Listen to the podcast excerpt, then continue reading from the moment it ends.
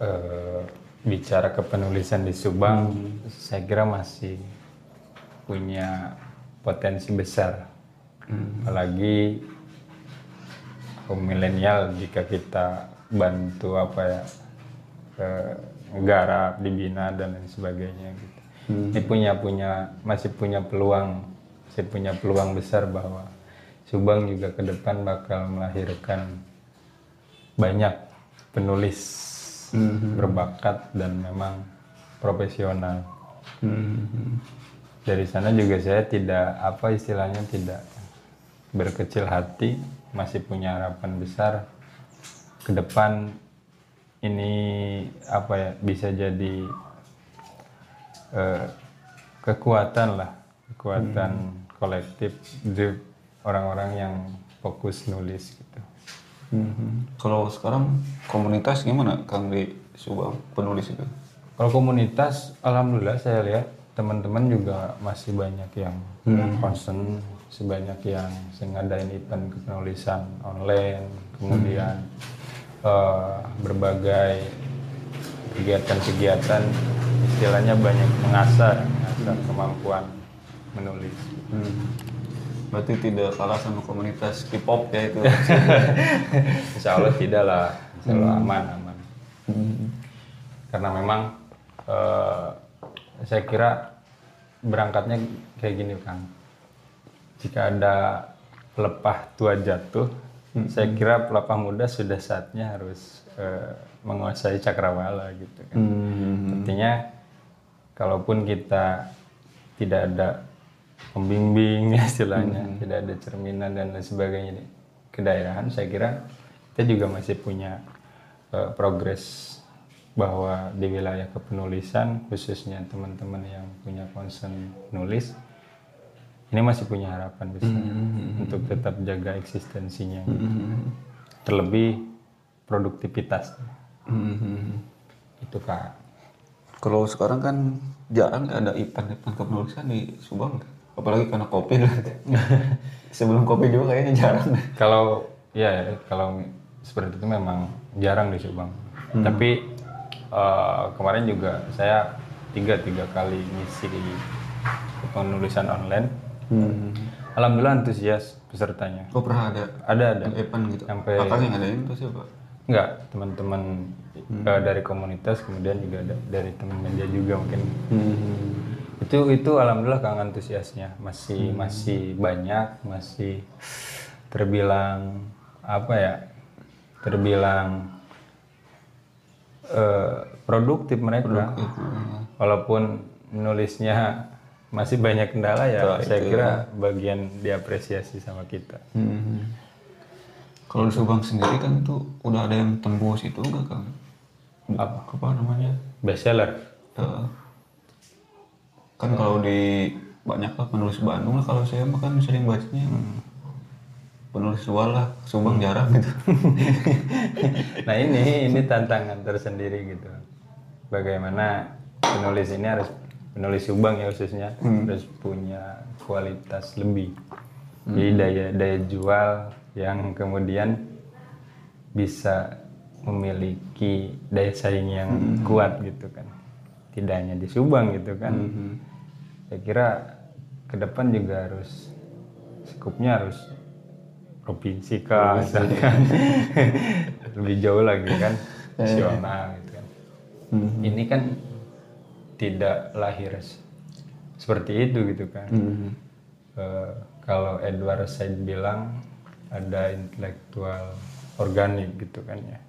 Di sanalah kita ya termasuk saya pribadi gitu kan harus terus menopang teman-teman yang punya eh, minat minat apalagi yang punya bakat memang harus di apa ya harus dibina.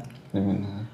sehingga ke depan eh, banyak penulis yang profesional di eh, Subang. Apalagi ini di wilayah milenial nih memang harus digarap memang harus dipantau dan diarahkan. Sehingga mereka tidak apa ya istilahnya tidak tabu tidak tahu arah saya hobi nulis tapi ujungnya di mana gitu kan nggak tahu gitu jangan sampai seperti itu gitu Nah, peran kita harus ada di sana gitu kalau di Subang sendiri itu banyak yang tembus apa namanya sebut kalau ada perusahaan major dan apa namanya. Indie ya. Kalau di Subang sendiri itu kebanyakan yang mana kang ikutnya? Yang saya tahu itu banyaknya yang indie kang. Indie karena memang apa? Karena memang eh, saya pribadi kan selama ini di indie ya kan. Karena memang tembus mayor memang agak su apa agak sukar juga gitu. Karena pertama kita mentor juga terbatas gitu kan. Lalu kemudian eh, tracknya juga belum kita temukan gitu kan.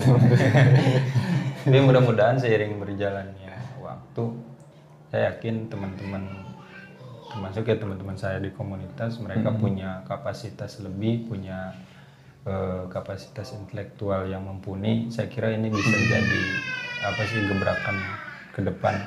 Dari Subang juga yang bak- bakal banyak yang bisa tembus penerbit mayor gitu. Itu harapan harapan kita gitu kan. Jadi jangan sampai eh, nggak tahu arah kita mau indie mau mayor pilihannya bingung nulis kagak gitu. Jadi yang penting sekarang ke teman-teman mau indie mau mau mayor kalian terus aja produktif nulis gitu. Jangan cuma lu status Facebook. Gitu. Tapi saya kira juga bagus kan kalau misalkan di Facebook.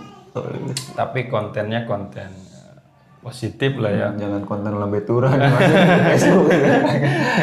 Bisa jadi bumerang. Gosip nanti.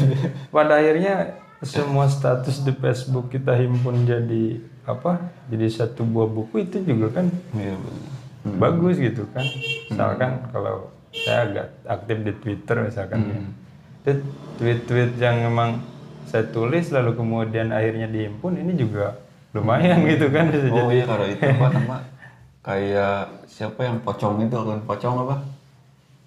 pocong saya Arif apa sih? Arif Budiman eh Bukan itu. Sekarang nge- nge-YouTube dia itu kan dulunya di Twitter itu Arif awalnya apa? ya awalnya dari Twitter ya Arif Ahmad apa namanya yang pocong itu yang pocong kayaknya tiga Hmm. kan dia nulis buku awalnya di Twitter itu Arif Muhammad Arif Muhammad Eh, Arif Muhammad Ya, itu kan harusnya dijadikan cerminan Nah, gitu. itu. Tidak hanya sebagai apa, status ya aneh-aneh gitu kan. Tapi ada nggak ada manfaatnya dan nggak punya arah tujuan gitu kan. Eh, Makanya saya juga apa mendorong sama teman-teman ya kita mau nulis di Facebook, di Twitter gitu kan, Wattpad dan lain-lain ya satu waktu memungkinkan untuk diterbitkan jadi satu buah buku ya kenapa tidak gitu kan. Jadi yang penting sekarang kita topang bagaimana eh, generasi milenial hari ini produktif dalam menulis. Itu sih sebenarnya tantangan hari ini. Kalau Akang sendiri udah berapa itu Kang? Berapa buku yang terbitkan? Ini belum empat kan? Atau kan oh baru empat. Empat, empat doang lah. Oh, banyak loh empat. Saya nulis satu nggak selesai selesai. Kang Warlan juga kan waktu itu terbit ya. Iya terbit buku pertama dan terakhir. Ini spiritnya harus dijaga, ini harus ditularkan ya walaupun Kang Warlan sekarang sibuk dan banyak kegiatan, tapi apa ya stamina-nya harus dijaga dan hmm. Stamina kalau sehat itu harus dijaga. Oke ini termasuk ya nulis juga gitu kan. Ya itu kalau saya sih baru baru empat buku aja gitu ya. di luar ya kalau misalkan antologi gitu kan saya juga sering-sering nimbrung lah sama teman-teman gitu. Cuma mungkin yang yang fokus itu saya baru empat aja gitu. Dan memang beberapa naskah ke depan ada gitu yang siap diterbitkan. itu yang empat itu apa aja Kang? Dalentera Kampus, kemudian Kerikil Harapan, kemudian sa- apa eh, Kopi Kampus sama teman-teman Kopi Kampus dan terakhir kemarin antologi apa puisi esai itu. Oh, berarti berat-berat itu. Ya lumayan lah. Kalau saya kan sukanya yang itu tinlit apa namanya tinlit muda itu yang cinta-cintaan itu. itu Akang itu ke mana? Temanya apa sih? Tema dari keempat buku itu garis besarnya kan? Kalau saya sih dimakan semua Kang istilahnya ya. Oh, ada Artinya gini. cinta ada gitu. eh, kalau ada fiksi dan non fiksi mungkin ya gitu. Kalau misalkan yang sekarang lagi digarap ya agak sedikit cinta-cinta juga gitu kan. karena ngelihat segmen juga gitu kan biar teman-teman nggak nggak bosen gitu baca tulisan saya. Udah mah udah mah terbatas karena kapasitas saya. Terus kemudian konten yang saya bawa juga apa ya? Eh, masih seperti itu aja gitu. Jadi nggak enak di apa di isi pala pembaca gitu. Kan jadi jangan sampai apa nggak bermanfaat juga gitu. Karena kan basisnya menulis itu kan yang ilmu yang diamalkan gitu kan supaya bermanfaat gitu. itu paling pokok kan apalagi kan milenial sekarang memang suka itu sih yang percintaan kan benar kalau sekarang kita buat novel yang berat-berat tuh oh buku apa gitu ada apalagi buku yang memang non fiksi bahasannya misalkan yang oh ekonomi politik hari ini wah kayaknya tuh hanya orang-orang yang eh, apa istilahnya punya fokus tersendiri gitu. Cuma kalau ngelihat hari ini ya memang cukup seksi kalau misalkan tema yang kita angkat ya. Kembangan remaja gitu kan di seputar dunia remaja percintaan dan lain sebagainya. Tapi eh, bagi saya saya melihat bahwa itu juga tantangan Kang. Bagaimana bagaimana tulisan kita tetap di dalamnya memberikan eh, apa istilahnya nilai-nilai eh, energi positif yang tetap harus kita eh, apa istilahnya serapkan di dalamnya jangan sampai karena segmennya seperti ini yang kita apa kejarnya popularitas gitu kan kita juga terbawa arus yang eh, bagi pada akhirnya apa grade tulisan kita bukannya meningkat gitu jangan jadi nyinyir gitu kan. Itu juga harus dirawat sebenarnya jangan sampai keliru gitu.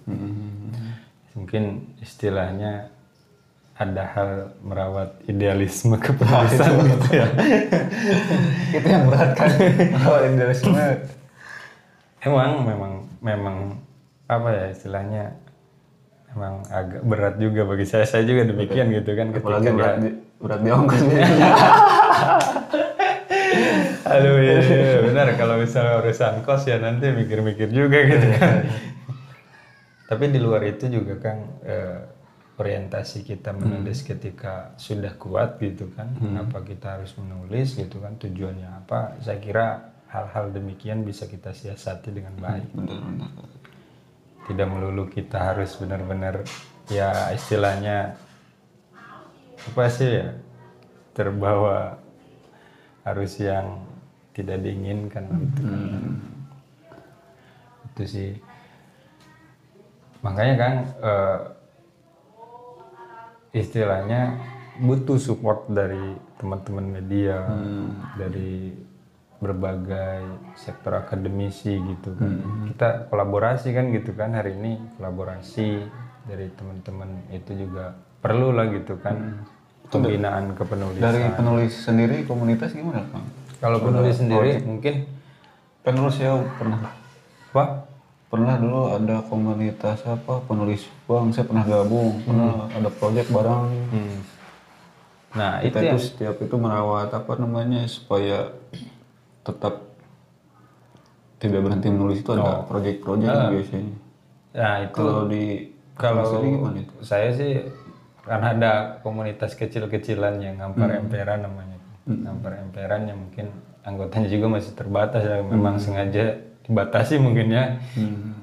Eh, di sana ada satu pembinaan yang memang kita juga sama ada satu garapan project pernah kemarin sih memang belum belum terrealisasi tapi sudah terhimpun dari beberapa penulis eh, menyoal ya bukunya menyoal problematika Subang gitu kan itu.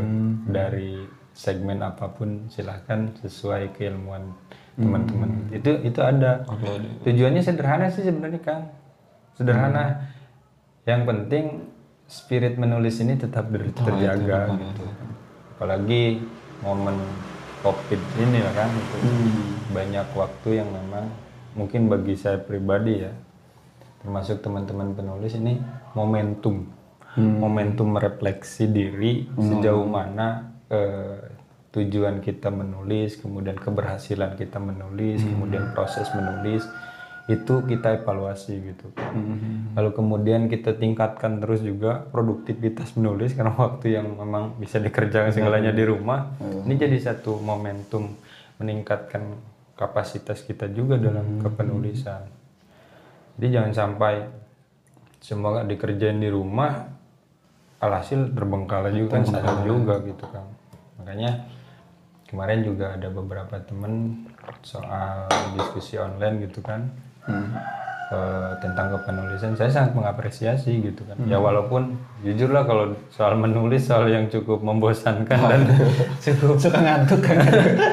benar banyak banyak hal yang eh, apa sih? Kendala gitu kan menjadi halangan gitu kan. Di luar eh, orientasinya seperti apa gitu kan tidak ada progres yang jelas apalagi gitu kan. Ini ini hal yang memang aduh bagi saya harus benar-benar kita siasati bersama. Itu kang. Kalau kan kan tadi udah empat sih. Itu kalau kiatnya atau gimana sih kan bisa produktif sih. Begitu kan? kalau giat mungkin harus dipaksakan ya. Agar agar biasa terbiasa Aduh. Nulis itu udah kayak bahasa sebenarnya mah kayak Tapi memang Kang memang harus dipaksakan, artinya agar rasa konsistensi tanggung jawab kita bahwa kita harus menulis itu lahir di sana gitu. Terus bagaimana kita mampu memanage waktu gitu, memanage waktu keseharian eh, untuk eh, tetap produktif menulis gitu kan. Di jam-jam berapa kita punya fokus yang lebih untuk menulis itu dimanfaatkan. Jangan sampai kita waktunya mungkin jam-jamnya rehat kita memaksakan menulis gitu kan. Itu jadi bisa menghakimi tulisan kita gitu dibaca terus terusan gitu kan. Akhirnya wah ini mbak tulisan kita apa? Apa? Nggak nggak benar gitu kan. Jadi bosen ya udah gitu balik. Nulisnya enggak gitu kan kan. Makanya manajemen waktu ini eh, saya kira perlu dipertimbangkan juga gitu kan. Apakah emang pas subuh atau sebelum tidur kita fokusnya nulis gitu kan. Itu itu harus harus kita temukan gitu kan ya terlebih dari sana juga saya selalu apa sering menyampaikan pada teman-teman juga karena menulis itu kan sangat ditentukan seberapa banyak konsumsi bacaan kita. Saya nggak pernah bosan kan ketika ngomongin nulis eh, lu udah baca berapa buku gitu kan pengen nulis gitu kan istilahnya kan seperti itu kalau misalkan pengen nulis buku misalkannya misalkan bila, eh, di wilayah sastra misalkan eh, berapa banyak buku-buku sastra yang kamu baca gitu kan? Itu sangat menentukan biasanya kang. Ide kita gitu kan gagasan-gagasan dengan secara alamiah tersendiri itu bisa muncul ketika kita nulis. Hmm, harus banyak baca juga berarti. Dan kan baca juga bosan kan baca baca buku gitu kan. Kalau sekarang kan lebih enak baca apa? Baca gosip. Ya konten-konten yang selengean lah gitu. Tapi ya di luar itu juga kalau bicara seberapa banyak kita membaca buku ya ya harus banyak juga gitu, banyak waktu untuk baca buku gitu. Gitu Kang, makanya semada dia bilang ya kampusnya para penulis ya membaca, gitu, membaca. Saya juga sangat suka ketika kawan-kawan apa ada yang pegiat literasi ya baca apa gelar buku gitu kan baca bebas gitu kan. Walaupun konvensional gitu kan secara psikologi itu sangat menyentuh gitu ke masyarakat tuh. Jadi nggak ada tips atau trik khusus untuk para penulis di luar seberapa banyak konsumsi bacaan kita itu kan kalau apa mimpi punya tulisan baca kagak nulis apa lagi gitu kan. Tinggal cerita tinggal cerita usang Mau jadi penulis nggak pernah baca mimpi. Berarti ya. Tapi itu sekarang saya jarang kan apa dulu mah kan ada Kang Pasya ya almarhum almarhum ya. ya. Luar biasa perjuangannya dari perjalanan lah gitu bisa pasang lapak di mana-mana Nah, terakhir saya lihat Kang ada di berapa mana di di alun-alun. oh ada? Ada ada yang lapak juga. Nah, saya lihat alhamdulillah gitu kan masih ada yang memang fokus.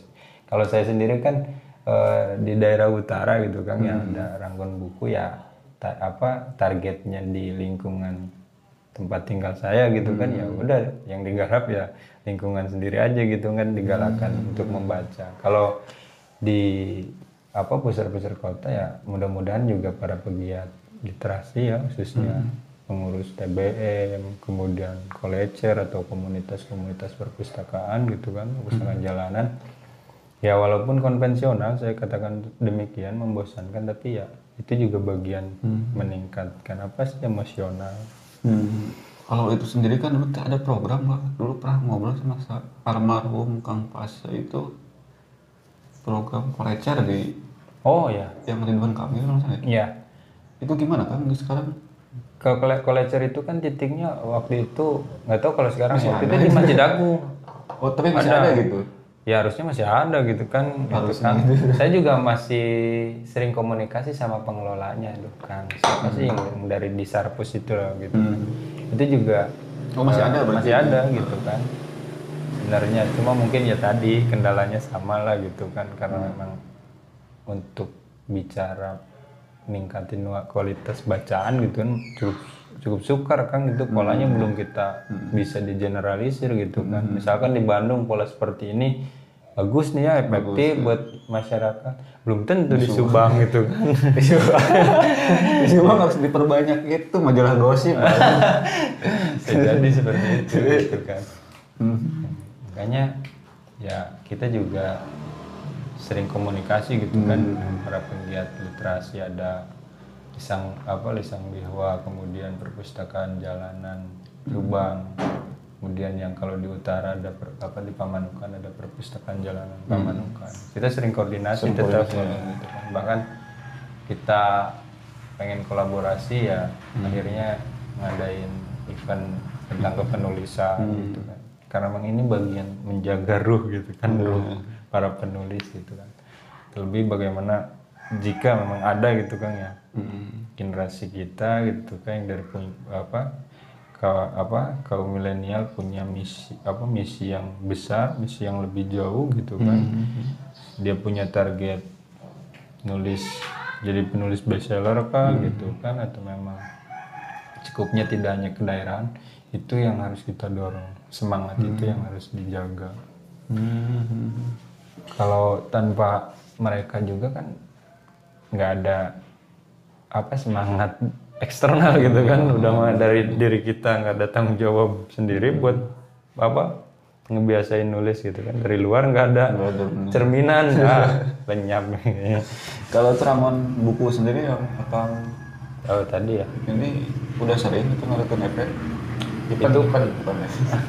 itu paling hanya untuk kanak-kanak gitu bang. Saya Oh. karena memang saya saya mikir bahwa yang harus dirubah itu kan harus di- bukan dirubah sih ya harus ditunjang itu memang dari kanak-kanak gitu kan. Saya- jangan sampai kalau saya ngerubah akang ngajak akang suruh baca kan bingung juga gitu kan. Parameter keberhasilan Kang Warlan semangat lagi baca buku gimana gitu kan. Seenggaknya kalau dari kanak-kanak enak gitu. Minimal mereka nyaman pegang buku aja gitu. Nggak usah suruh mereka baca buku gitu. Yang penting mereka bisa bersahabat dengan buku itu juga udah bagian kepuasan rohani mungkin kan ya. Dia buat baca apa lihat-lihat gambar doang gitu kan anak-anak. Itu kan minimal dari sana gitu fondasinya. Kalau saya ya tadi saya bilang kalau ngajak seusia Kang Warlan kan bingung juga di luar banyak kegiatan itu dan ini kan wah gitu kan ya udahlah gitu Kalau sia-sia saya makan lupa beli itu sama dapur. dapurnya harus ngebul ya. Ngebul. itu kan hanya rangkun buku ya saya apa saya fokuskan untuk di daerah sana dan segmennya juga anak-anak gitu ya minimal kita ngajak Ranggon kita kasih rewardnya kasih ballpoint kah gitu kan kemudian coklat kah gitu. Atau makanan-makanan ringan buku-buku menarik gitu kan. Alat tulis mereka yang dibutuhkan di sekolah ya itu bagian dari bentuk apresiasi saya buat mereka yang menyempatkan waktunya untuk bongkar-bongkar di Ranggon. Saya lebih suka Ranggon habis acak-acakan gitu kan, berantakan sama anak-anak gitu kan. Dan ketimbang buku yang rapi berjajaran tanpa disentuh sama mereka gitu kan. Saya lebih miris melihat gitu gitu kan. Jadi, waduh mana pengunjung Ranggon itu kalau rapi itu kan.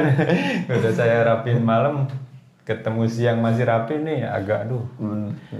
nemu juga nih apa tantangan juga nih gimana mau bangun peradaban menulis di Subang gitu kan di lingkungan sendiri aja saya belum mampu kan nanti jadi pikiran juga gitu. Biasanya kalah sama game online. nah itu. Kita tuh kan. Aduh. Nggak dipungkiri sih seperti itu benar. Ya tantangannya di sana juga gitu. Sana juga. di digital hari ini gitu kan.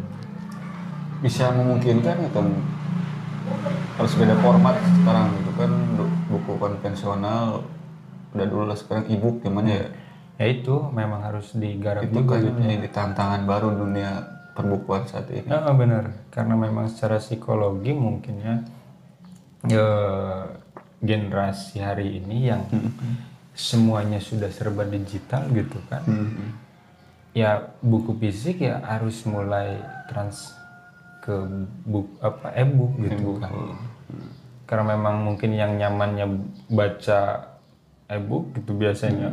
Buku atau e-book lalu kemudian kita paksakan buku fisik ya nanti kontradiksi juga gitu kan. Makanya ini juga yang harus disupport mungkin sama Kang Orlan dan teman-teman timnya di media Jabar. Ya para penulis juga nanti di luar ini ya e-booknya juga kita garap gitu kan. Polanya seperti apa gitu kan.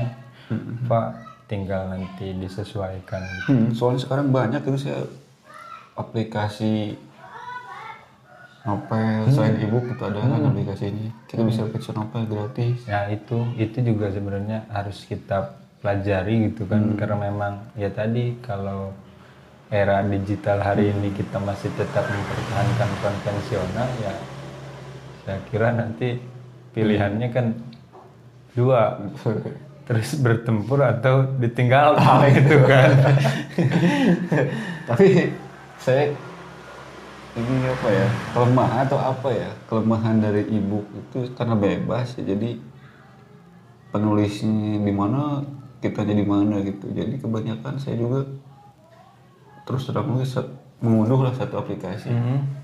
Tapi kebanyakan itu kan cerita dewasa sih kebanyakan Iya. itu bukunya. Nah, benar. Saya juga apa sering nemuin kayak gitu. Ini kayak Annie Arrow sih.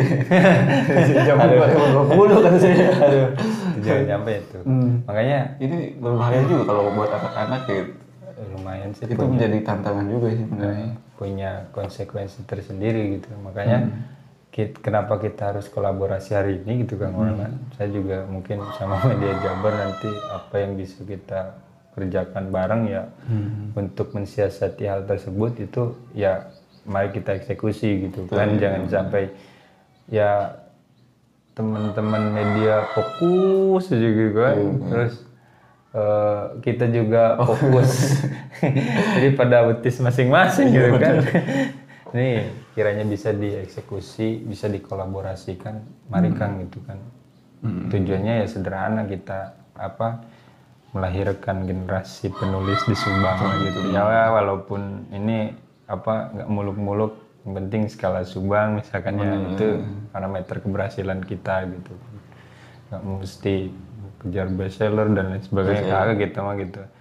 Banyak yang lanjutin apa hobi nulis juga udah jadi kepuasan tersendiri. Kan begini kan kalau saya mikir penulis yang produktif itu tidak hanya melahirkan berbagai tulisan. Justru yang paling penting hari ini melahirkan penulis-penulis baru. Itu para penulis produktif kang gitu. Tidak hanya menempat dirinya sendiri gitu kan. Kawan-kawan komunitas Tapi membagi ilmunya kepada orang lain dan orang lain gitu ya. Iya, ketika dibina oleh kita, mereka berhasil melahirkan satu karya dalam bentuk buku ataupun apa itu kan jadi, oh iya ya, inilah pro- apa produktivitas penulis tuh. Oh, benar, jadi walaupun saya baru empat nanti kalau saya punya anak didik binaan gitu lebih progres misalkan kan satu bulan satu buku oh, itu kan saya juga luar biasa gitu kan kan turut bangga gitu.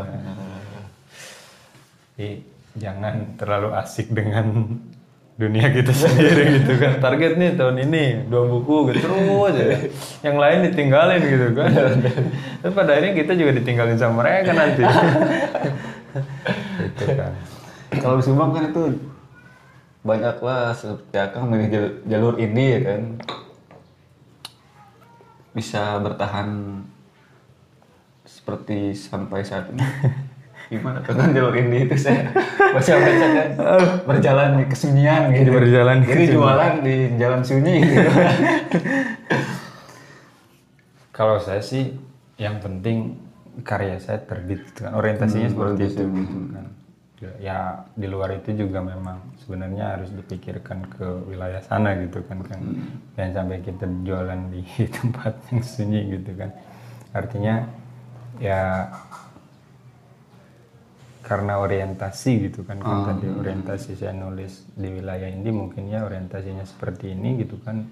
Tidak banyak apa sih keinginan yang melebar gitu kan. Yang penting karya saya terbit karya saya bermanfaat gitu kan. Eh, urusan progres urusan Tuhan gitu kan. Muaranya di mana biarkan Tuhan yang bimbing gitu kan. Sulit saya menjawabnya sulit. Ya itu. Tuhan. karena ya itu apa sih ya? Eh, spiritnya diakhirnya di sana gitu kan.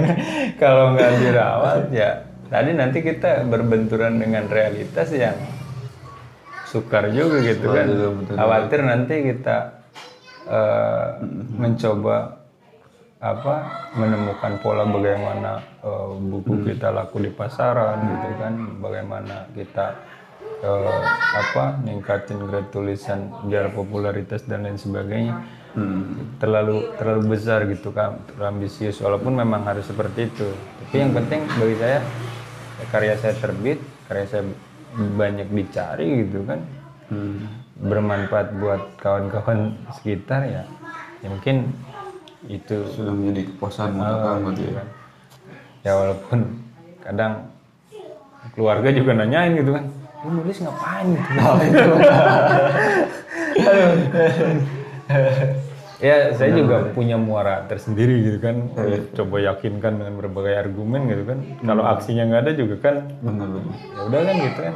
Yang penting sama punya karya terbit karya terbit lalu kemudian karyanya bermanfaat juga ya udah itu mungkin capaian tersendiri buat saya di luar ya banyak hal yang memang bisa apa sih istilahnya diikhtiarkan yang lainnya gitu kan untuk tetap bertahan di. Benar sih dulu dulu saya pernah ini memulai di media dulu keluarga sih biasanya. kan lumayan kan Kamu kan bukan anaknya Haritano ngapain di media gitu ya. tapi kan sekarang berjalannya 4 tahun ya berapa dari Jabar ya 4 tahun hampir 4 tahun. Hampir nanti empat tahun. Agustus. Nanti juga adalah bukunya itu. Alhamdulillah. Ini kan bisa jadi apa eh, stamina tersendiri bagi saya ketika nanti media Jabar juga melahirkan satu buah buku kan. Wah nanti bisa saya apa konfirmasi ke teman-teman di media Jabar juga nulis gitu kan. Ayo kita Juga lagi kapan nulis. dari Kang Teguh nih. Ini harus tetap kolaborasi nih nanti. Walaupun belum selesai sih. Gak apa kan, biar Allah yang catat semuanya lah. ya mudah-mudahan selesai kan nanti Agustus. Pas Agustus ya. Ulang tahun kan 17 Agustus ini. Pas ya, 17 17 Agustus ya. Ya, dulu kan saya sengaja nunggu 17 Agustus biar dirayain. Jadi biar dirayain semua orang. Sejarah itu diciptakan ya. Iya. saya kan ingin menciptakan sejarah Iya, sendiri. dari kan memang harus seperti itu. Walaupun berat sih perjuangannya. kan. Ini, Teman-teman media juga ternyata punya anggapan berat juga ya langkahnya ya. Ya berat lah. Sama kantor sekian soalnya. Ini antara realistis dan menjaga marwah idealisme jurnalis gimana Kang? Ini saya nggak tahu saya itu kalau jawab eh kalau ditanya itu saya nggak tahu jalanin aja sih saya Iya. saya dulu ini jadi cerita ya gini apa sih bilang ke teman saya yang bikin media Hmm. terus saya itu antara percaya dan tidak sih dulu apalagi istri saya dulu Gimana tuh meyakinkan istri kan? saya mau fokus aja kata saya sendiri oh, Iya, untung saya memiliki teman dan keluarga mendukung Hmm. katanya jangan asal jangan merepotkan orang aja dulu sementara ya udah dulu kantor pertama itu di depan unsur ya Hmm. Hmm. Hmm. Pindah lagi ke adalah kontrakan yang sekarang di sini terakhir di Pegadaian saya Ya, ini kan jadi apa sih istilahnya track yang nggak mudah gitu kan. Kang. Sama halnya mungkin dari teman-teman penulis juga demikian. Kang Warlan di media seperti ini terus berproses gitu. Kita kan nggak tahu ujungnya di mana gitu kan. Muaranya di mana? Muara kebahagiaan. Muara-muara yang lain. apakah muaranya di kebahagiaan di kesengsaraan? Makanya terus menerus harus berproses gitu. makanya saya juga ngomong ke teman-teman yang punya apa fokus nulis ya lo nggak usah pesimis gitu kan. Terus aja kita nulis terus aja kita nikmatin proses ini. Kan yang Sapardi juga dulu mungkin nggak pernah terpikirkan gitu kan sekali ber sekarang gitu kan beliau. Cuma mungkin seiringnya berjalan waktu dia nikmatin prosesnya dia terus apa eh, menciptakan atmosfer atmosfer yang berbeda sampai pada akhirnya keabadian hari ini gitu kan karyanya abadi gitu kan. Apalagi kalau bicara teologis mungkin amalnya juga terus menerus mengalir gitu kan itu saya saya yakin saya yakin yakinnya. Benar-benar. Nggak pernah terbayang sebelumnya. Mungkin media Jabar hari ini seperti ini dalam usia 4 tahun sebelumnya kan nggak tahu. Tahun ke lima tahun. mungkin skalanya udah wah gitu kan. Saya ketemu sama Kang Warlan juga nanti apa susah juga gitu kan. Karena sibuk itu kan nggak ada yang tahu kan. Nah, saya sering ngomong ke teman-teman tuh di sana. Yuk kita rawat optimisme kita gitu kan. Ya kalau nggak dirawat sama kita siapa yang rawat gitu kan? Folder aja gitu kan. Ya udahlah kita gantungin sama diri kita aja sendiri gitu. Jangan nyampe berharap sama orang-orang gitu.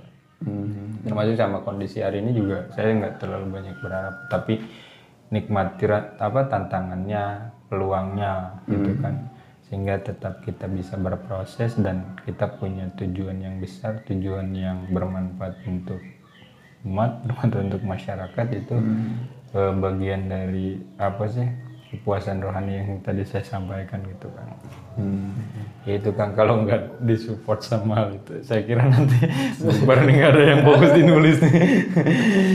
Kalau nulis bukan karena keterpanggilan urungkan saja urusan benar. Si- bi- bisa jadi menyesatkan gitu. Dan tulisannya menyesatkan gitu kan.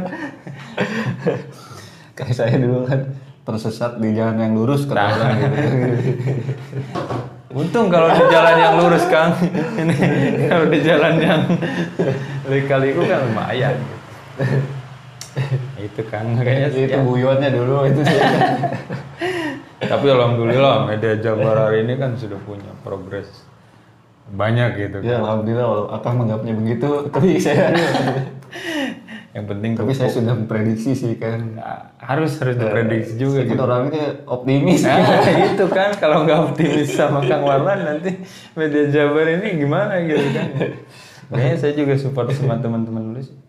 Optimis, yang penting optimis. Terus prosesnya dinikmati, semua dijalani dan kita ikhtiarkan. Muaranya di belakang, di mana? Belakangan itu urusan belakangan gitu kan.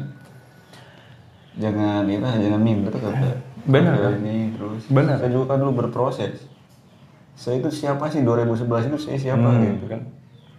Saya juga nggak tahu kan 2011 Kang Warlan siapa gitu kan. kan teguh itu. Di mana gitu? Kita pertama itu dulu kapan kan dulu? Yang ulang tahun media Jabar yang pertama kan. oh itu waktu saya belangsak udah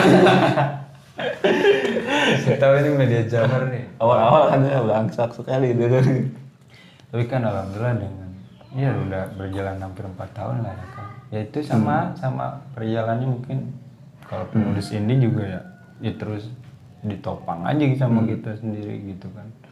Sebenarnya ada hubungan sih kalau kan penulis indie lah kita juga kan media indie itu mungkin ada irisan yang sama ya ada yang sama. Irisan yang sama yang memang bisa disinergiskan. Tapi saya kira saya lebih banyak bercermin dari teman-teman termasuk Kang Warlan gitu kan. Sehingga ambil inspirasi dan saya tularkan ke teman-teman yang lain juga gitu. Ya tadi saya, Kang Warlan sampaikan gitu. Jangan sampai minder gitu kan. Ya memang seperti itu gitu kan saya masuk grup KMO keluarga menulis. Sih lupa saya handphone ini. Itu di dalamnya banyak para penulis bang. Di Indonesia gitu kan. Bahkan saya ikut ya jumpa para penulis nih. Jumpa penulis sama Semana dia Boy Chandra gitu kan. Ya penulis-penulis luar biasa gitu kan. Artinya yang saya bawa ke Subang itu ya spirit mereka. Yang nggak pernah padam. Sederhana sih Kang benar. Acara dari jam 8 sampai jam 4 sore saya nyimpulin gitu oh iya. Yang paling pokok itu spirit nulisnya. Urusan kualitas itu urusan pembaca gitu kan yang penting nulis aja. Nulis. Walaupun tulisan kita nggak berkualitas biarkan saja lah bisa ya, tapi harus tetap dievaluasi. Jangan takut sama hater sih. Jangan takut sama hater itu biarkan dia biarkan dia pusing sendirilah gitu kan. Ya jangan sampai lah apa komunitas penulis itu sekarang terkalahkan sama komunitas TikTok apa gitu. Walaupun akhirnya bisa kolaborasi ya nanti. Goyang-goyang ala penulis mungkin kan. ya hari ini ya saya masih bisa bertahan sama teman-teman yang ambil jalur indie ya. Mungkin di luar konsistensi ya ada satu upaya untuk kolaborasi gitu kan dengan siapa pun gitu kan. Termasuk saya juga merawat komunikasi dengan bunda literasi gitu kan. Ya kan supaya apa? Supaya tadi ada support moral gitu kan support moral yang penting kita konsisten bahwa kita berjalan tidak apa tidak sendiri walaupun sendiri benar. di area kegelapan. Bingung nih treknya mau ke mana gitu kan. Saya, saya terasa sendiri kan gitu saya nyobain kan 2013 nyoba saya ngumpulin naskah gitu kan coba apa ke penerbit penerbit mayor. Saya nunggu kabar gitu nyampe apa lelah sendiri gitu kan tanpa kejelasan apa kejelasan eh, komunikasi gitu kan. Akhirnya bukan jenuh sih cuma ini kalau saya terus menerus eh, ngarepin di mayor gitu kan penerbit penerbit mayor ya dengan kapasitas saya yang seperti ini gitu kan mana target saya yang mau kecapai gitu kan. Makanya ya udahlah coba indie apa pun resikonya apa pun konsekuensinya ya kita nikmati aja kan telan aja sendiri gitu kan. Dari layout sendiri ngedit sendiri gitu kan kan desain cover juga sendiri gitu kan. Semua digarap sendiri termasuk apa marketing. Jualan sendiri. Kita garap sendiri gitu kan. Jualan Oh, jualan sendiri. Kan jadi seni jadi seni tersendiri aja gitu kan yang bisa nikmati ya saya sendiri. Penerbit ini yang bisa menikmatinya itu hanya dia kan. kita orang ini.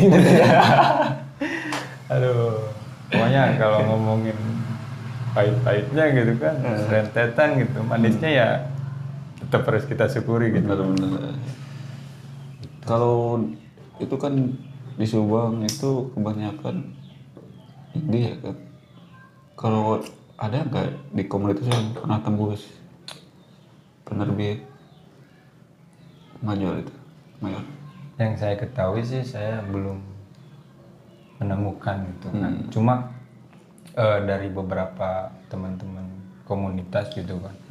Oh, Kang Teguh ada loh gitu kan ya kabar-kabar. Walaupun saya belum konfirmasi kebenarannya kebenaran keberadaannya juga gitu kan apakah memang benar ya cuma mungkin tadilah eh, di luar itu juga ya kita saling support kalaupun memang ada apa, tembus di penerbit mayor ya.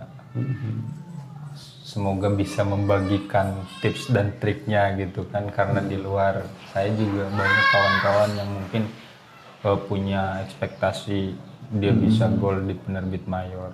Tapi ya dengan adanya eh, dengan adanya apa podcast hari ini gitu kan. Ini media bagi saya untuk menyampaikan bahwa penulis-penulis indie juga masih bertahan dan istilahnya ada satu harapan untuk eh, bisa diterima di penerbit mayor. Siapa pun nanti mungkin yang nyimak eh, video ini kan nanti oh iya dia udah gol di mayor, mudah-mudahan nanti Allah pertemukan dengan saya gitu kan.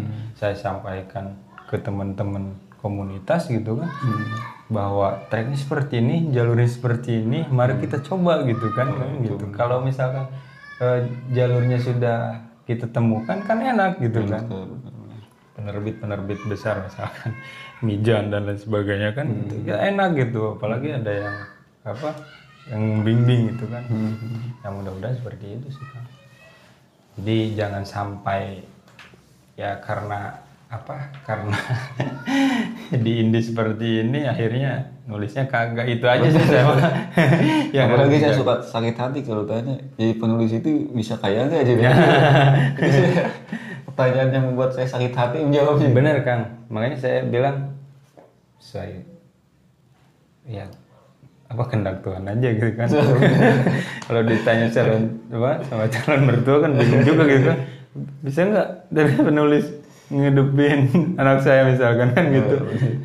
saya jawab pasti bisa aja gitu kan. Tinggal jawab bisa kok gitu kan. Saya masih punya keyakinan gitu kan dan punya satu dekat ikhtiar gitu kan. Pelipur lare kan.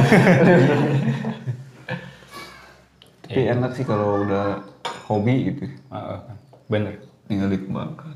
Kalau bicara ya hobi ya udah gitu kan bakal terus Selesai sih kalau bicara hobi. Saya juga kan karena media kan hobi. nah itu kan media jambar Selesai. sampai hari ini bisa bertahan kan karena mungkin Karena hobi gitu. Waria uang kemarin ya itu kan makanya saya juga ngebina sama teman-teman ya bukan istilahnya ngebina sih belajar bareng lah gitu kan belajar bareng sama teman-teman ya yang mereka punya hobi yang ini juga gitu yang yang fokus juga gitu kan sehingga saya juga mendampingi mereka nggak bosen gitu. Karena mereka semangat terus menerus berproses lo kenapa saya harus redup? Gitu. Benar. lo kanan kiri dinyinyir ya biarkan lah gitu kan gitu. Fokus saja gitu kan. Ya semoga saya juga bisa apa mendirikan penerbitan sendiri gitu kan. berkelas mayor nanti yuk gitu kan. Kamu kamu yang ini yang mudah kan gitu. Hmm. Itu sih kang sebenarnya. Berarti tinggal dikolaborasikan saja berarti kan. Kan sekarang eranya kolaborasi sih. insya Allah insya Allah. Ya ini juga bagian dari kolaborasi dengan media Jabar gitu kan. Menyampaikan keresahan menyampaikan kegelisahan. Semoga ada jawaban gitu kan.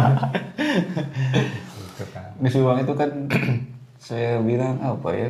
Sudah maju sih dalam segi apa pun sebenarnya. sepakat kan sepakat. Tapi SDM-nya itu cuma kita itu kurang konsisten sih kebanyakan. Dan perlu perbaikan SDM. saya melihat kalau bicara SDM di Subang itu kan dengan pesatnya perkembangan hari ini seolah ada ketidaksiapan gitu dalam segmen apa pun termasuk eh, di wilayah kepenulisan gitu. Saya bicara di wilayah kepenulisan gitu kan. Kalau misalkan tidak terus menerus ditopang kita bersaing tanpa sekat waktu dan ruang hari ini gitu kan kan ini bisa kita yang ditinggalkan itu gitu kan. Makanya eh, kenapa terus menerus harus menggalakkan gitu kan ya? Untuk ningkatin kualitas sumber daya manusia di Subang gitu kan. Akang fokus di media misalkan saya fokus di nulis kawan-kawan fokus di wilayah pengusaha gitu kan. Akademisi tapi ada satu irisan yang sama tanggung jawab yang sama misalkan kan meningkatkan kualitas SDM ini kan bisa jadi apa sih istilahnya? Eh, pola untuk menyiapkan SDM SDM yang unggul gitu kan. tidak hanya di sektor pendidikan formal gitu dipersiapkan di non formal sekalipun kita bi- masih bisa bicara kualitas sumber daya dan kita bisa eksekusi satu proyek apa misalkan ke depan tapi bicara SDM karena saya juga sepakat tadi perkembangan di Subang pesat hari ini. Hmm. itu kan apalagi wilayah ekonomi yang terus genjot oleh pemerintahan daerah gitu kan. Sedangkan SDM-nya kalau tidak kita genjot bersama juga nanti siapa yang menikmati hasil eh, apa istilahnya kebijakan-kebijakan hari ini gitu kan.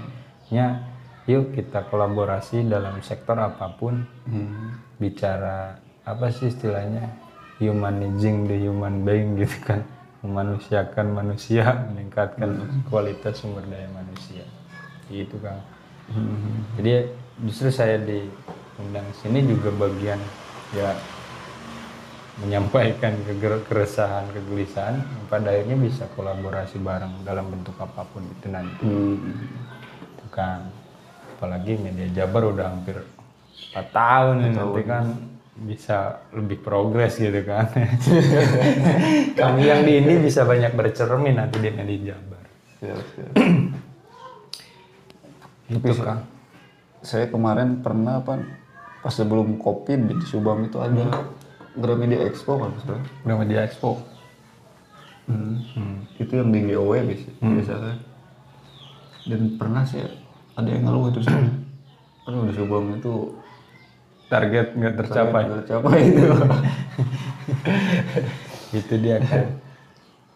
Jadi kalau diurai harus mulai ngurainya dari mana kan? itu. Terlalu bingung kalau kita pikirkan terus menerus makanya ya tadi kalau saya fokus misalkan saya mengklaim fokus di kepenulisan akan fokus eh, di media gitu kan. Teman-teman yang lain juga fokus di apa keilmuannya masing-masing gitu kan. Tapi ada satu irisan project yang bisa kita garap gitu kan. Istilahnya untuk tadilah bicara kualitas SDM gitu kan. Bicara kepentingan kolektif gitu kalau bukan kita siapa lagi? Kalau bukan sekarang kapan lagi gitu? Kan saya suka memperhatikan soalnya kan sering ada Gramedia Expo terus yang sering itu penulis Jogja kan? Konsorsium banyak. penulis Jogja biasanya konsorsium penulis Jogja dan saya pantau tiap hari lewat iseng lah gitu.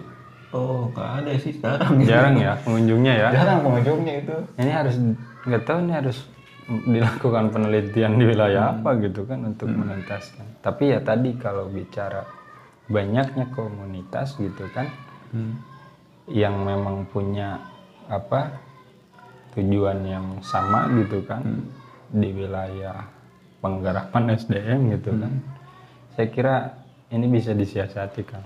Benar. walaupun ya polanya seperti apa bingung juga gitu kan. Tapi saya yakin kita bisa gitu kan dengan berjalannya Subang ke depan seperti apa gitu kan. Tuntutan hidup semakin besar gitu kan. Kualitas persaingan semakin ketat gitu kan. Mungkin nanti eh, masyarakat juga semakin elok dalam kalau melihat apa yang mereka butuhkan. Tidak hanya sekedar menuntaskan isi perut. Tidak hanya sekedar mengedepankan gaya hidup gitu di luar itu juga ada satu tanggung jawab bersama untuk merawat Subang gitu. oh yang terakhir itu kang apa namanya? Pernah ke toko buku yang apa ya di Otista hmm. itu, itu mah sampai nggak ada? Nggak ada pengunjung. Nggak ada jualan buku sekarang. Oh iya benar-benar saya saya nyari iya itu. malah jadi toko apa ternak benih gitu. Nah itu kan kang. Nggak ada. Sekarang karena nggak laku gitu Subang. Benar-benar itu juga memang harus di apa sih ya? Saya dipikirkan mau terlalu dipikirkan juga enggak gitu kan. Cuma dijadikan tapi apakah mungkin tidak di Subang juga di Bandung? Bisa jadi demikian gitu kan. Ya. karena mungkin tadi tuh ada peralihan kan dari fisik ke e-book gitu kan. Mungkin yang terbatas waktu karena dunia kerja dan lain sebagainya gitu kan. Mendadak beli buku eh, keluar rumah misalkan kan agak malas ataupun apa mendingan kita apa Soalnya cari e-booknya gitu. kemarin juga pas ke Gramedia yang biasanya di sebelah di bawah itu tempat makanan tempat panggung di bawah ini suka ada yang Rest ya kayak gitu, area gitu kan banyak sekarang mah diganti jadi itu apa tempat apa tuh? keperluan rumah tangga. Ya itu. Ada perubahan yang cukup fundamental ya itu kan makanya eh, kenapa? Di Parasari semakin sama juga. Ya makanya tadi mungkin dari buku cetak mungkin harus ya itu ibu itu sekarang ya. Oh, lari ke sudah mulai ke ibu karena mungkin tadi lah dengan berbagai hal soal kehidupan ya cari praktisnya mungkin ya bukan mau tiduran mau kapan pun itu kan bawa-bawa juga nggak ribet gitu kan. Enak mungkin. Jadi lebih ke sektor ebook ke depan kita garap gitu. mudah-mudahan saya juga nanti dibimbing sama Kang Warlan gitu kan kita di apa dikasih contoh nih buku per apa media Jabar terbit. Tidak hanya fisik ebook juga ada kan. Nanti kita apa coba temukan polanya nge- ngekor lah dulu kan gitu. Bener-bener kita bisa kolaborasi. Mudah-mudahan aja jadi bukunya gitu ya. Harus jadi kan. Kami tunggu. Gitu kan. Mudah-mudahan kan nanti bisa dikolaborasikan lah ke depan. Mungkin bisa jadi kan di kuncinya ebook lah. Hmm. mensiasati lah kan. Kalau ibu juga nggak ada yang minat nanti evaluasi juga. Polanya seperti apa gitu kan untuk untuk mensiasati semua. Tapi saya kira kalau ibu terus lebih ini eh, kita harus coba hmm. ya kalau misalkan cetaknya udah terasa kan perjuangannya udah gitu kan. sih.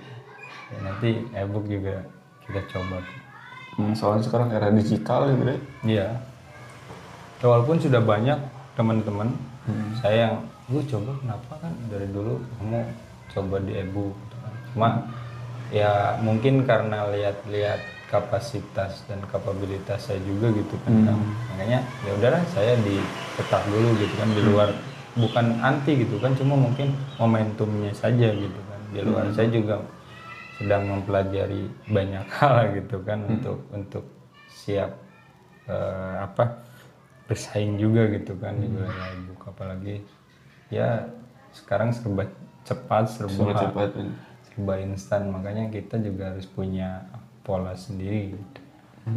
supaya nanti apa kita juga punya arah yang jelas juga gitu kan tidak hanya karena apa eh, digitalisasi hari ini ya kita terjebur pada kekeliruan. Hmm. sehingga polanya kita temukan dan arahnya harus kita tentukan. Hmm. Insya Allah nanti dikawal sama media Jabar kan. Aduh Suka terharu sih kan biar ini merawat optimisme tadi. Yang penting optimis dulu kita itu. Bener kan tapi kalau main di ebook boleh juga sih. Tapi asal jangan itu apa. judulnya erotis aja. Saya terus terang suka sih baca buku di ebook tapi yang itu yang ero siap. Ya mudah-mudahan kan saya masih punya. Ya kalau ditanya tadi awal ya potensi di Subang seperti apa ya tetap saya harus disampaikan saya masih punya peluang besar gitu. Optimisme yang deras. Gitu kan, Kang, gitu. masa mengkampanyekan kita lemah gitu kan? Walaupun realitas walaupun realitasnya ah, keras gitu. tapi ya tetap kita harus rawat optimismenya tapi luar biasa sih Kang Teguh ini ah. dalam usia muda bisa produktif menulis ya, tahu juga kan ya karena tadi kalau tidak dipaksakan mungkin. Bingung. Saya terinspirasi juga sih dia menulis Teguh ya. Pasha oh ya. Saya banyak belajar dari almarhum dulu. Hmm. Hmm. kalau dulu ngelapak ya ingin baca buku di Wisma Karya gitu kan. Tuh itu keren gitu kan. Kang Pas ya ya. Banyak juga gitu kan masyarakat yang terpengaruh. Gitu kan diajak sama kita baca walaupun kita nongkrong nongkrong doang gitu kan. Tapi saya kira waktu itu polanya demikian gitu. Nah hari ini mungkin pegiat juga harus menyesuaikan dengan perkembangan. Sekarang malah disangka eh mau pasang lotre nih. Lompat-lompat bahaya. Iya benar. Harus disesuaikan sih intinya kan zaman berubah. Perkembangan zaman ini semakin cepat jadi harus kita juga harus menyesuaikan dan cepat beradaptasi sih sebenarnya. kalau kita stagnan ya tadi. Hmm. kita ya keliru nanti yang ada. Udah nggak mau nulis gitu. Nulis eh, ini aja. nggak ada target-target tertentu. Gitu. kalau selama kita masih punya target termasuk saya misalkan ya. Hmm. dalam misalkan satu bulan ini naskah mana yang harus dieksekusi misalkan lalu kemudian setahun itu harus terbit berapa buku misalkan selama target-target itu ada saya kira eh, produktivitas masih bisa ditopang dengan hal seperti itu. Ya, tadi kenapa kita harus kolaborasi? Ya tadi di segmen itulah kita harus merawat napas optimisme para penulis indie gitu kan. Gitu kan. Kayaknya tolong disupport juga sama media Jabar gitu kan. Sama teman-teman media yang lain juga gitu. Para senior di media gitu kan nanti itu bikin effort lah. Kan kepenulisan. Penulisan media Jabar gitu kan. Tingkat tujuh nasional hari bisa kaya raya. Judul bukunya bener. Itu kan nggak ada yang tahu gitu kan. Biarkan judul buku selaras dengan takdir Tuhan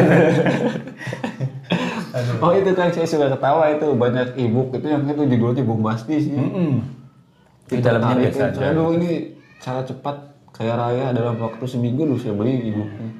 Mungkin harus itu juga sekarang itu Iya, frame berpikirnya udah ke sana ya. kita juga harus apa harus harus seperti itu mungkin. Makanya ya harus terukur juga sebenarnya kan. Hmm. Jadi kalau dalam satu minggu sakaya misalkannya sederhananya. Hmm.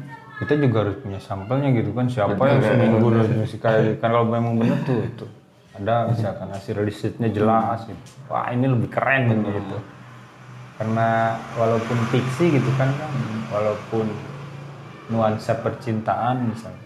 Tapi kalau basis pokoknya ditulis dari hasil riset saya saya kira ini lebih lebih wah gitu kan Bener. Cinta berbasis riset. Kemasannya sederhana gitu kan, bahasanya bahasa kekinian gitu kan, tapi apa eh, basis pokoknya gitu kan dari riset kan keren gitu kan kan. Ya tadi kalau misalkan dijuari, kita mau ambil misalnya dijuari kaya raya gitu kan, hasil risetnya udah jelas gitu kan banyak orang-orang yang seminggu udah kaya polanya kita selarasan ya kenapa nggak ditulis di buku kan? Lumayan juga kan gitu. Ya semoga saya nanti ketemu Kang Teguh lima tahun ini udah jadi ikon penulis subang lah kan. Mudah-mudahan kan. Itu juga ya tadi harus diikhtiarkan gitu kan. Hmm. jangan sampai tadi apa mau mimpi jadi penulis jarang baca gitu. kan nanti hanya, hanya hanya sebatas mimpi gitu. Mudah-mudahan. Nanti lima tahun itu sulit ketemu Kang Teguh dengan penulis gede nih. Kang gimana lagi sibuk nih? Lagi tur keliling Indonesia. Aduh. Ya apa pun itulah ke depan. Tadi saya bilang muaranya di mana biarkan gitu kan. Yang penting kita selaras dengan takdir aja gitu. Jangan lupa optimis ya. Itu optimis. Kalau nggak optimis ya lenyap gitu nanti. Itu mungkin kang oke oke udah berarti udah banyak sih mohon maaf nih kang kalau terlalu apa sih panjang lebar juga luas obrolannya banyak anfaedahnya tapi mudah-mudahan ya ini bisa jadi stamina tersendiri buat teman-teman penulis. So itu udah. Saya itu kan. Mohon bimbingannya supportnya juga nanti kolaborasinya juga ditunggu apa yang bisa kita eksekusi bareng itu kan. Hmm. itu kan. Harus itu. Saya, saya tunggulah nanti di ulang tahun media Jabar. Saya, saya bawa semua teman-teman komunitas ini. Ada buku tapi baru. kayaknya zaman covid gini mah virtual, ya tapi setidaknya kita eh, sampaikan juga ke teman-teman gitu kan. Media Jabar 4 tahun produknya hari ini katanya buku kan alhamdulillah gitu kan. Ini ada senior kita nih nerbitin buku kan enak gitu. Ya, bener. Pre-order, pre-order. pre-order jangan lupa kawan-kawan